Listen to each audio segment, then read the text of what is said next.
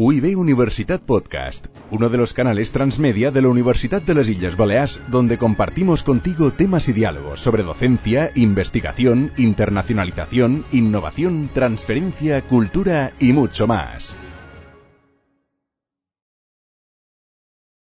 Bienvenidos a un nuevo podcast sobre cuestiones legales y contractuales de la empresa y la actividad turística. Os saluda Juan Fran profesor de contratación turística de la Universidad de las Islas Baleares.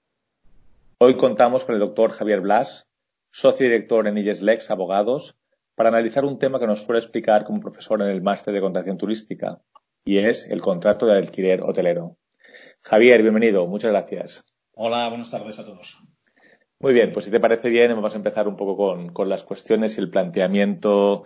de este contrato y lo primero que te preguntaría es qué diferencias existen entre el arrendamiento de industria y el arrendamiento del inmueble hotelero. Bueno, em, las diferencias eh, son, son, importantes, son dos figuras jurídicas eh, distintas, a pesar de que en ambas, ambas figuras eh, cuenten con la mención de arrendamiento, pero lo que les diferencia es el objeto del arrendamiento. En el caso de la industria, lo que, lo que se arrienda es un complejo em, empresarial, una empresa en el fondo, eh, radicado en un inmueble, de tal manera pues que en esa industria hay medios materiales y hay que es básicamente la parte del inmueble con todo el mobiliario que contiene eh, o que puede contener esa, si hablamos de industria hotelera, Em, y además, evidentemente, una parte fundamental de esa industria es la plantilla, la plantilla laboral, los trabajadores, ¿eh? que pueden ser evidentemente eh, fijos, pueden ser fijos discontinuos, pueden ser temporales, pero lo que es objeto de arrendamiento, por lo tanto, es una unidad empresarial. En términos concursales hablaríamos de una unidad productiva, ¿eh? que es la que en definitiva es objeto de arrendamiento a un tercero. Em, en cambio, en el arrendamiento del inmueble, lo que se arrienda es la base física, en este caso un inmueble, que seguramente puede llegar a ser después con la idea de que se explote empresarialmente y por lo tanto el arrendatario tendrá que asignar ¿eh? determinados, evidentemente, trabajadores a esa, a esa futura empresa, pero que inicialmente no tiene la consideración de empresa en funcionamiento, porque lo que se arrienda, insisto, exclusivamente es el inmueble, que en el caso de la, en el caso de la, de la LAU, de la Ley de Arrendamientos Urbanos, sería evidentemente considerado como un arrendamiento distinto del de vivienda y allí cabe todo tipo, evidentemente puede ser una nave, puede ser un local de negocio, pero insisto, como tal, físicamente, sin tener la consideración de unidad empresarial o de entidad empresarial, de empresa, ¿eh? que permita en definitiva al día siguiente la puesta en funcionamiento de esa empresa. Entonces, esa es la diferencia fundamental. En el arrendamiento de industria es un arrendamiento evidentemente mucho más complejo,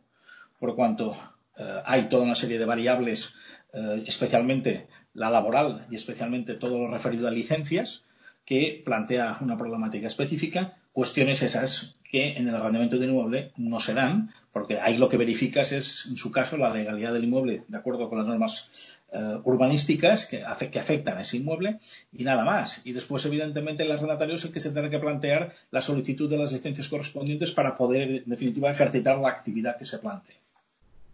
Precisamente ya entroncando con estas observaciones que estás haciendo, ¿qué cuestiones y aspectos son los más relevantes en este tipo de negociaciones que obviamente van a, van a ser diferentes si tenemos en cuenta toda la unidad productiva o si solamente el inmueble, etcétera? ¿Cómo, cómo, abordaré, cómo se abordan estas, estas negociaciones precontractuales? ¿Qué aspectos se tienen en cuenta? Bueno, evidentemente, eh, insisto, las negociaciones en el caso de un arrendamiento de industria son mucho más complejas porque tocan a temas mucho más esenciales y porque seguramente además la renta que se va a pagar es muy superior, evidentemente, a la que se pueda pagar en un arrendamiento de un inmueble. La primera cuestión que es que sí que es coincidente en ambos supuestos, en todo caso se analiza la solvencia del arrendatario. Es decir, el arrendador va a tener interés en conocer mínimamente qué solvencia tiene esa entidad arrendataria. Y seguramente eh, en la medida en los casos más de arrendamiento de industria, vamos a pedir, ¿eh? cosa que no suele ser tan habitual a veces, vamos a pedir, normalmente se va a pedir un aval de una, de una posible segunda entidad, entidad mercantil, más bien de carácter patrimonial, que sería la que en definitiva cubriría eh, el pago de la renta en caso de impago por parte del arrendatario. También en estos casos a veces se plantean los temas de contratos de confirming, los supuestos seguramente en la praxis que se dan donde el precio que se pacta se aplaza durante el ejercicio correspondiente y por tanto buscas la posibilidad como en este caso como arrendador de poder en definitiva cobrar esa renta lo antes posible. También es muy importante, evidentemente, definir, en el caso del arrendamiento de industria, mucho más que en el arrendamiento de inmuebles, definir el perímetro exacto del contrato. Digo el perímetro porque puede haber después piezas, eh, fincas, eh, parcelas anexas a al arrendamiento de industria, a la finca que conforma el arrendamiento de industria, que directamente no están, digamos, directamente vinculadas a ella. Y puede, puede, interesar vincularlas. Pensemos, por ejemplo, en zonas de aparcamiento, zonas de pistas de tenis, que eso pueden ser unidades, parcelas, fincas, que interesa, evidentemente, vincular a esa unidad, a esa, a esa, a esa, a esa industria que va a ser objeto de arrendamiento. Hay un tema también fundamental, que son las licencias y las autorizaciones administrativas. Como hablamos de un arrendamiento de industria en funcionamiento, por tanto es fundamental verificar qué licencias tiene esa industria. Y si no las tiene, pues evidentemente hay que plantear las correspondientes contramedidas a efectos de saber que si no hay licencias en vigor o están caducadas, pues, em, pues el arrendatario va a tener dificultades claras de poder ejercitar esa actividad. Un capítulo aparte siempre merece el tema de costas la demarcación de costas dependiente del Ministerio de Medio Ambiente, en este caso en España, tiene una, delegación aquí en Baleares, pues evidentemente las concesiones, especialmente evidentemente en hoteles que estén en primera línea de mar, que hay más de los que pensamos, que, tienen acceso directo a playas, pues ahí sí que interesa evidentemente analizar bien cómo están esas eh, autorizaciones administrativas eh, de acuerdo con la ley de costas. Y ahí puede haber, evidentemente, sorpresas a veces a la hora de ver pues, que son autorizaciones que están caducadas o están a punto de caducar y las dificultades que todo el mundo sabe de renovación de esas autorizaciones eh, a nivel del Ministerio de Medio Ambiente. Em, evidentemente, la renta es un tema que siempre se pone encima de la mesa. Y en el tema de la renta sí que también llamaría la atención, en el caso del arrendamiento de industria, una problemática que he vivido hace poco, que es cuando la renta se fija por unidad de alojamiento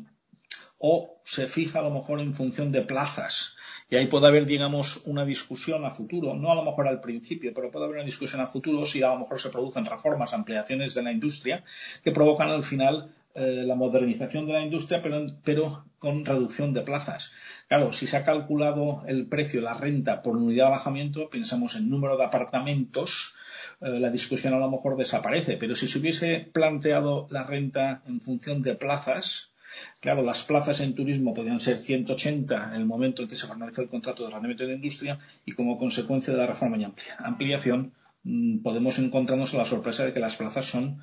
inferiores, pueden ser 150. ¿Qué sucede en esos casos? El arrendatario puede plantear frente a la propiedad la reducción de la renta en base a que el número de plazas es inferior al que eh, inicialmente existía, a pesar de que el arrendatario consintió totalmente y era conocedor y de hecho participó de forma activa en el proyecto de reforma y ampliación. Son cuestiones, digamos, que la praxis te demuestra que hay que eh, afinar, hay que afinar fino en esta cuestión. Tema de seguros también, evidentemente, es un tema importante, continente y contenido, es decir, tener una cobertura de seguro importante para evitar sorpresas, en este caso, como propietarios de la industria que se arrienda. Em, hay también, también la problemática de los impuestos que se van a pagar durante la vigencia del contrato. Mm, normalmente todo lo que hace referencia a la tenencia del bien, véanse el impuesto municipal, el IBI, el impuesto de bienes inmuebles, es de cuenta del arrendador. En cambio, todo el resto de impuestos que van ligados a la explotación se imputan generalmente más al arrendatario. Pensemos tasa de basuras, alcantarillado, em, tasa de incineración, todo lo ligado a la basura generada por la explotación de la industria. En el tema del mantenimiento y la conservación de la industria también suele haber discusiones importantes, porque claro, tú entregas una industria en funcionamiento con un nivel em, de mantenimiento seguramente a lo mejor alto y esperas que se te devuelva después de 10 años o después de 8 años, se te devuelva en las mismas condiciones. Eh, y ahí puede haber, evidentemente, pues sorpresas. ¿Cómo se, en la praxis a veces se solucionan estas sorpresas? pues a veces se establece, yo lo he visto en bastantes contratos, la obligación del arrendatario de imputar el 3% del importe anual de la total recaudación bruta, excluido IVA, a la al mantenimiento y a la conservación de la industria. De tal manera que el arrendatario, a, a, principios del año siguiente, tiene que justificar frente al arrendador que ha invertido ese 3%, mm, que es un importe que puede ser evidentemente más alto o más bajo en función de la facturación bruta de la industria en cuestión, pero que no deja de ser eh, pues una manera de recordar al arrendatario que debe reparar y conservar la industria y debe hacer frente a las reparaciones ordinarias derivadas del uso de la industria. Evidentemente, una reparación extraordinaria, como podría ser, se me ocurre, la sustitución del tejado del hotel o la sustitución de un ascensor que se consideraría, a pesar de que es un bien mueble, se considera como un elemento o se considera la praxis eh, de la abogacía y la praxis judicial como un elemento estructural, pues la sustitución de un ascensor sería de cuenta del arrendador seguramente. En cambio, el pago del mantenimiento del ascensor sería de cuenta del arrendatario. Y después, para acabar en este punto, eh, hay un tema también fundamental que es el de los trabajadores. Claro, eh, el arrendatario se ve obligado por ley, teniendo en cuenta si se trata de industrias que ya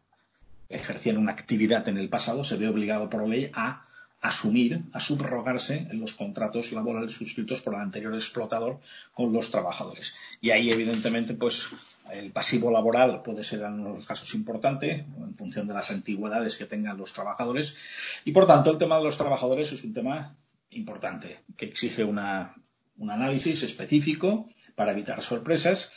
y en la praxis también se plantean muchas veces cláusulas en las que se busca que en su día, tras la extinción del contrato, eh, la propiedad no vaya a recibir un número mayor de trabajadores de los trabajadores que recibió en su día la arrendataria cuando suscribió el contrato. ¿eh? Entonces, eh, puede ser una cláusula que puede, evidentemente, atenuar el impacto negativo que puede tener el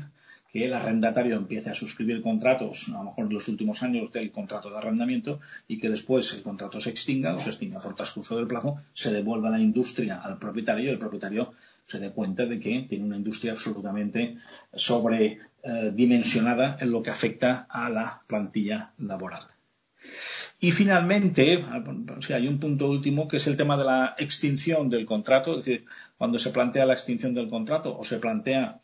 por transcurso del plazo o bien la resolución del contrato de forma consensual por la concurrencia de determinadas circunstancias, pues evidentemente la propiedad cuando negocia esa, esa resolución contractual y por tanto esa extinción de ese contrato de mutuo acuerdo, pues volvemos otra vez a tener en cuenta todas esas, algunas cuestiones que he comentado con anterioridad. Tema de los trabajadores, en qué, en, cuál, es, cuál es la foto fija de los trabajadores que se me van a devolver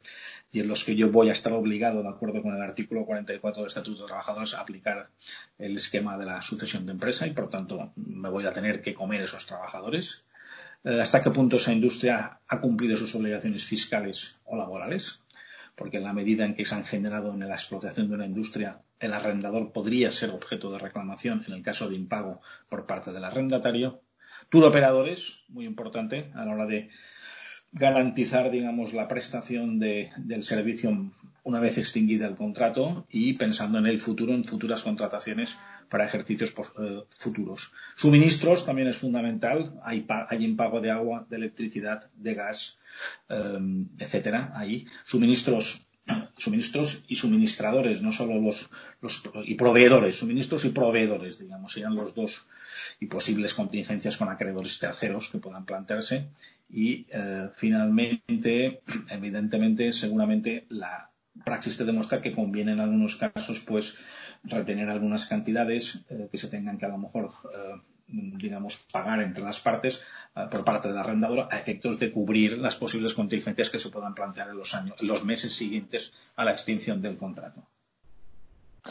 Javier, ha quedado claro pues la complejidad y la multitud de aspectos que hay que tener en cuenta en este tipo de contratos. Y te preguntaría si los podemos a lo mejor simplemente enumerar eh, cuál es la, qué documentación del hotel suele requerirse, y eh, ha quedado muy claro que eh, lo, de lo relativo a la explotación es realmente muy importante, tal vez más que, incluso lo registral y relativo al inmueble. ¿Qué, documentos aparecen allí si los podemos enumerar? los documentos que podían requerirse cuando te planteas un arrendamiento de industria, pues eh, básicamente son, eh, podemos pensar en principio en la licencia turística, la inscripción de esa unidad de explotación hotelera en el registro correspondiente de la Consejería de Turismo, donde además te reflejará específicamente el número de plazas oficiales que tiene asignada esa, industria en cuestión. Em, licencias, también evidentemente las licencias municipales eh, de instalación y de actividades. ¿eh? Después también las autorizaciones, en este caso pensando especialmente en la demarcación de costas, eh, si hay proximidad a la playa y hay ocupación efectiva de la famosa zona de dominio público marítimo terrestre que obliga a la solicitud de una autorización. No es, todo, no es, en todos los casos, ni muchísimo menos, pero puede darse en la praxis. Em, y después, evidentemente, en la documentación, eh, bueno, todo lo que son manuales de instalaciones. Porque el que viene a ocupar el inmueble, la industria, evidentemente va a tener que seguir manteniendo y conservando esa industria y por tanto conviene tener esos manuales de las instalaciones más importantes. Pienso básicamente en todo lo que es la instalación eh, de calefacción, aire acondicionado, eh, todo eso, ascensores, son un poco las tres grandes, y piscinas, eh, aire acondicionado, calefacción, piscina y ascensor.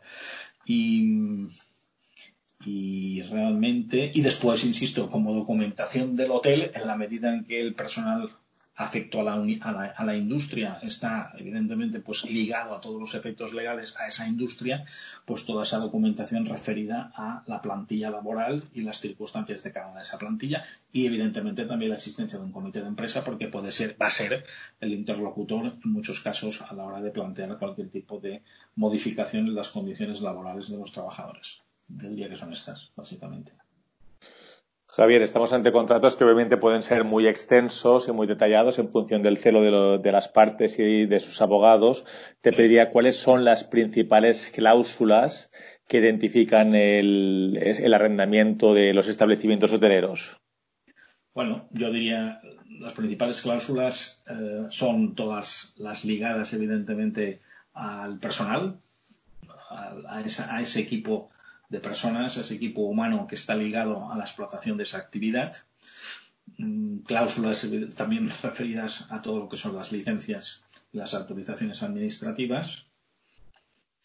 Y, todo lo que hace referencia después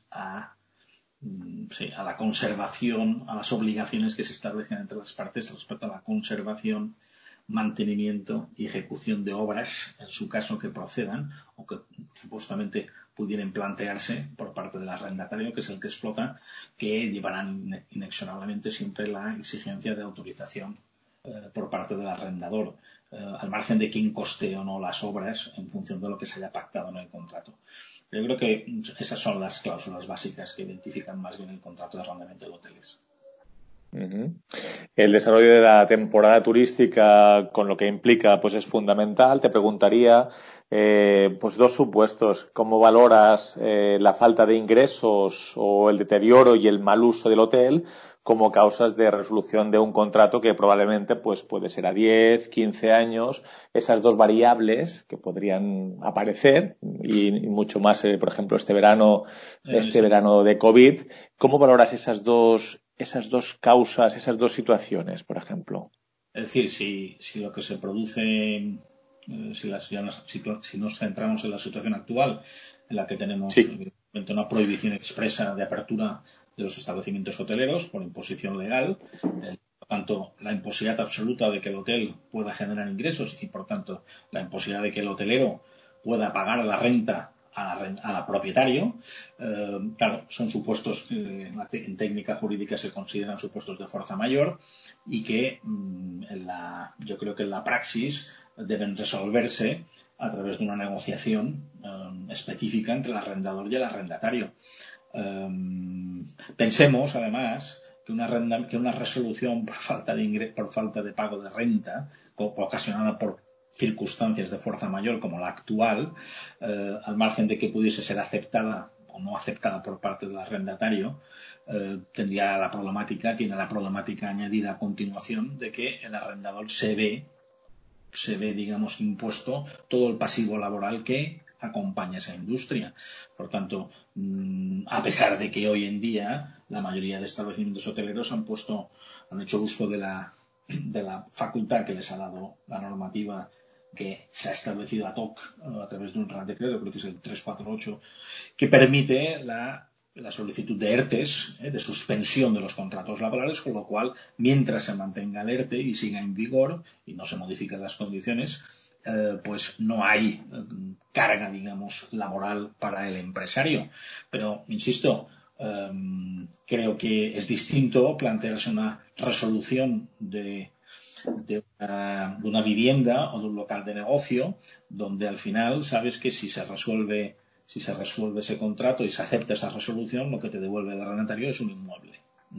Pero sin, ese pasivo laboral que en el caso de los hoteles puede resultar evidentemente muy gravoso, por tanto podemos hablar evidentemente de plantillas laborales de muchas, de muchas personas. Por lo tanto, mi consejo, al todo, es decir, los juristas sabemos que el Tribunal Supremo generó la doctrina, o el, sí, el instrumento del rebus sic stantibus, pero um, eso uh, lo que fuerza yo creo que a las partes la asistencia a esa doctrina jurisprudencial es que a la vista de la extraordinaria extraordinario cambio de circunstancias que se producen respecto a las circunstancias que concurrieron en el momento de la formalización del, del contrato, el Tribunal Supremo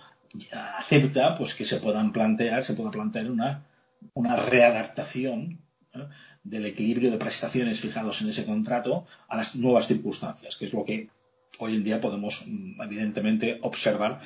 y, concordar. Es decir, es claro, está claro que la mayoría de arrendatarios hoy en día han tocado la puerta en las circunstancias actuales, han tocado la puerta del arrendador para decirle, oye, yo no te puedo pagar la renta en estos momentos, busquemos fórmulas que me permitan a mí, con el, tiempo, seguir evidentemente vinculado a ti en el marco del contrato de arrendamiento.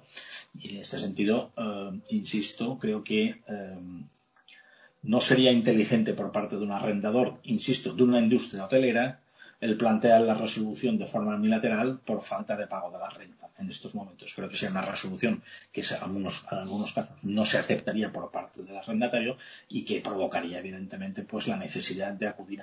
a la, eh, a la instancia judicial para eh, conseguir esa resolución. Resolución que seguramente no se conseguiría, entiendo yo, si se evidentemente se alega las circunstancias que concurren actualmente, que es un supuesto de fuerza mayor, como es lo del famoso eh, COVID.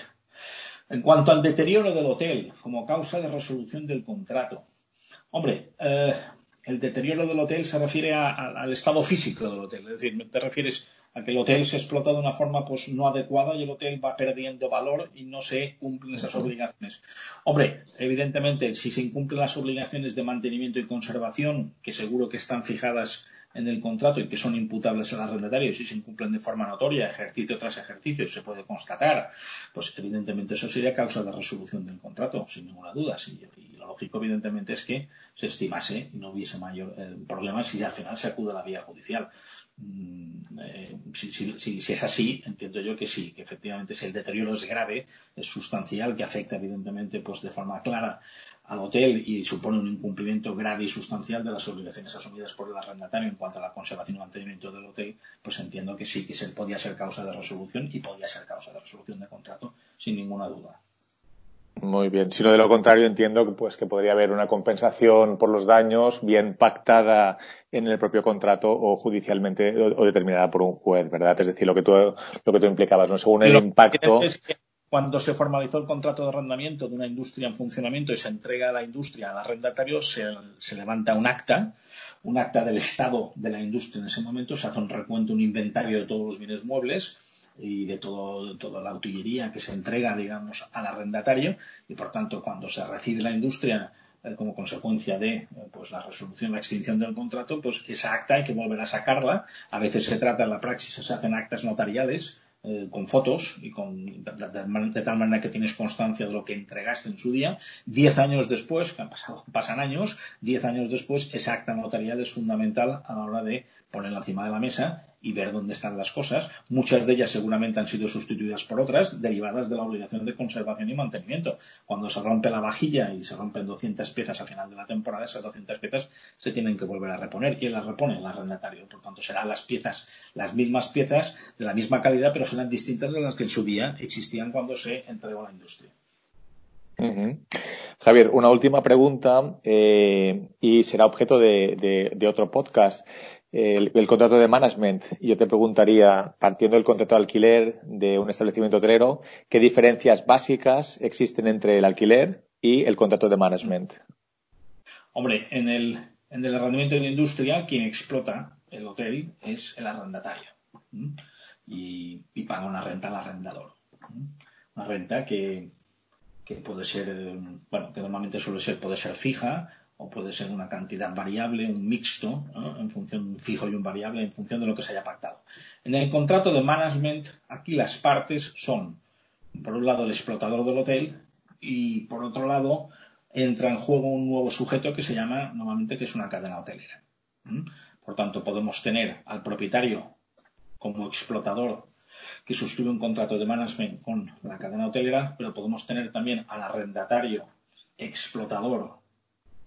que tiene un contrato con la propiedad, que decide en un momento determinado explotar esa, esa industria hotelera a través de un contrato de management. Eh, aquí la, la, clave es que esa cadena hotelera va a gestionar en nombre y por cuenta de riesgo del explotador ese hotel. Y lo va a hacer y, gracias a, es decir, la cadena va a explotar y como y en contrapartida de esa explotación, va a recibir una remuneración económica por parte del, por parte del explotador. La clave aquí está en que la cadena hotelera pues cede su marca, cede su central de reservas, cede su know-how y su red de comercialización en favor del explotador. Y por tanto, evidentemente, desde fuera, a efectos externos, quien observa el hotel llega a la conclusión de que explota el hotel por ejemplo, pensemos en la cadena Barceló, Hoteles Barceló. Pero puede suceder que no sea así, porque realmente lo que hay ahí es un contrato de management, de tal manera que cuando uno va al hotel y recibe un servicio y pide y formaliza un contrato de alojamiento en un hotel por una noche, lo que va a recibir es una factura que va a expedirse en nombre, en nombre y por cuenta, insisto, del, del, del arrendatario guion propietario del hotel que ha decidido utilizar los servicios de, ese, de esa cadena, de ese gestor, de ese gestor hotelero profesional para poder evidentemente explotar seguramente de forma más exitosa el hotel en cuestión. Entiendo, por lo tanto, Javier, tú que has asesorado a muchos propietarios, que la decisión entre optar por un arrendamiento o un contrato de explotación depende de la voluntad de, ese propietario y de, sus eh, expectativas, ¿verdad? Correcto, correcto, efectivamente, sí. Dependerá de las circunstancias que concurran y de las experiencias a lo mejor que haya tenido en el pasado respecto a otras fórmulas que harán, pues que evidentemente al final, claro, la clave siempre al final, Juan, aquí es el tema de la confianza. Si, si, una cadena hotelera con, de reconocido prestigio genera confianza en la propiedad de un hotel, pues allí puede haber evidentemente la base fundamental para que al final se pueda formalizar un contrato de management en su día con respecto de esa, de esa industria hotelera en cuestión un propietario conservador optará por un contrato de arrendamiento eh, de hotelero, ¿verdad? Sí, normalmente es, así. El, conservador optará por un contrato de arrendamiento de industria clásico, como, siempre ha existido en los últimos años, efectivamente. Muy bien. Javier, muchísimas gracias por tu tiempo y por tu experiencia y esperamos verte pronto. Pues muchísimas gracias a vosotros y a ti, Juan, de forma específica y, personal. Muy bien, pues nos despedimos hasta un nuevo podcast y muchas gracias por vuestra atención. Hasta pronto. UIB Universitat Podcast, uno de los canales transmedia de la Universidad de las Islas Baleares, donde compartimos contigo temas y diálogos sobre docencia, investigación, internacionalización, innovación, transferencia, cultura y mucho más.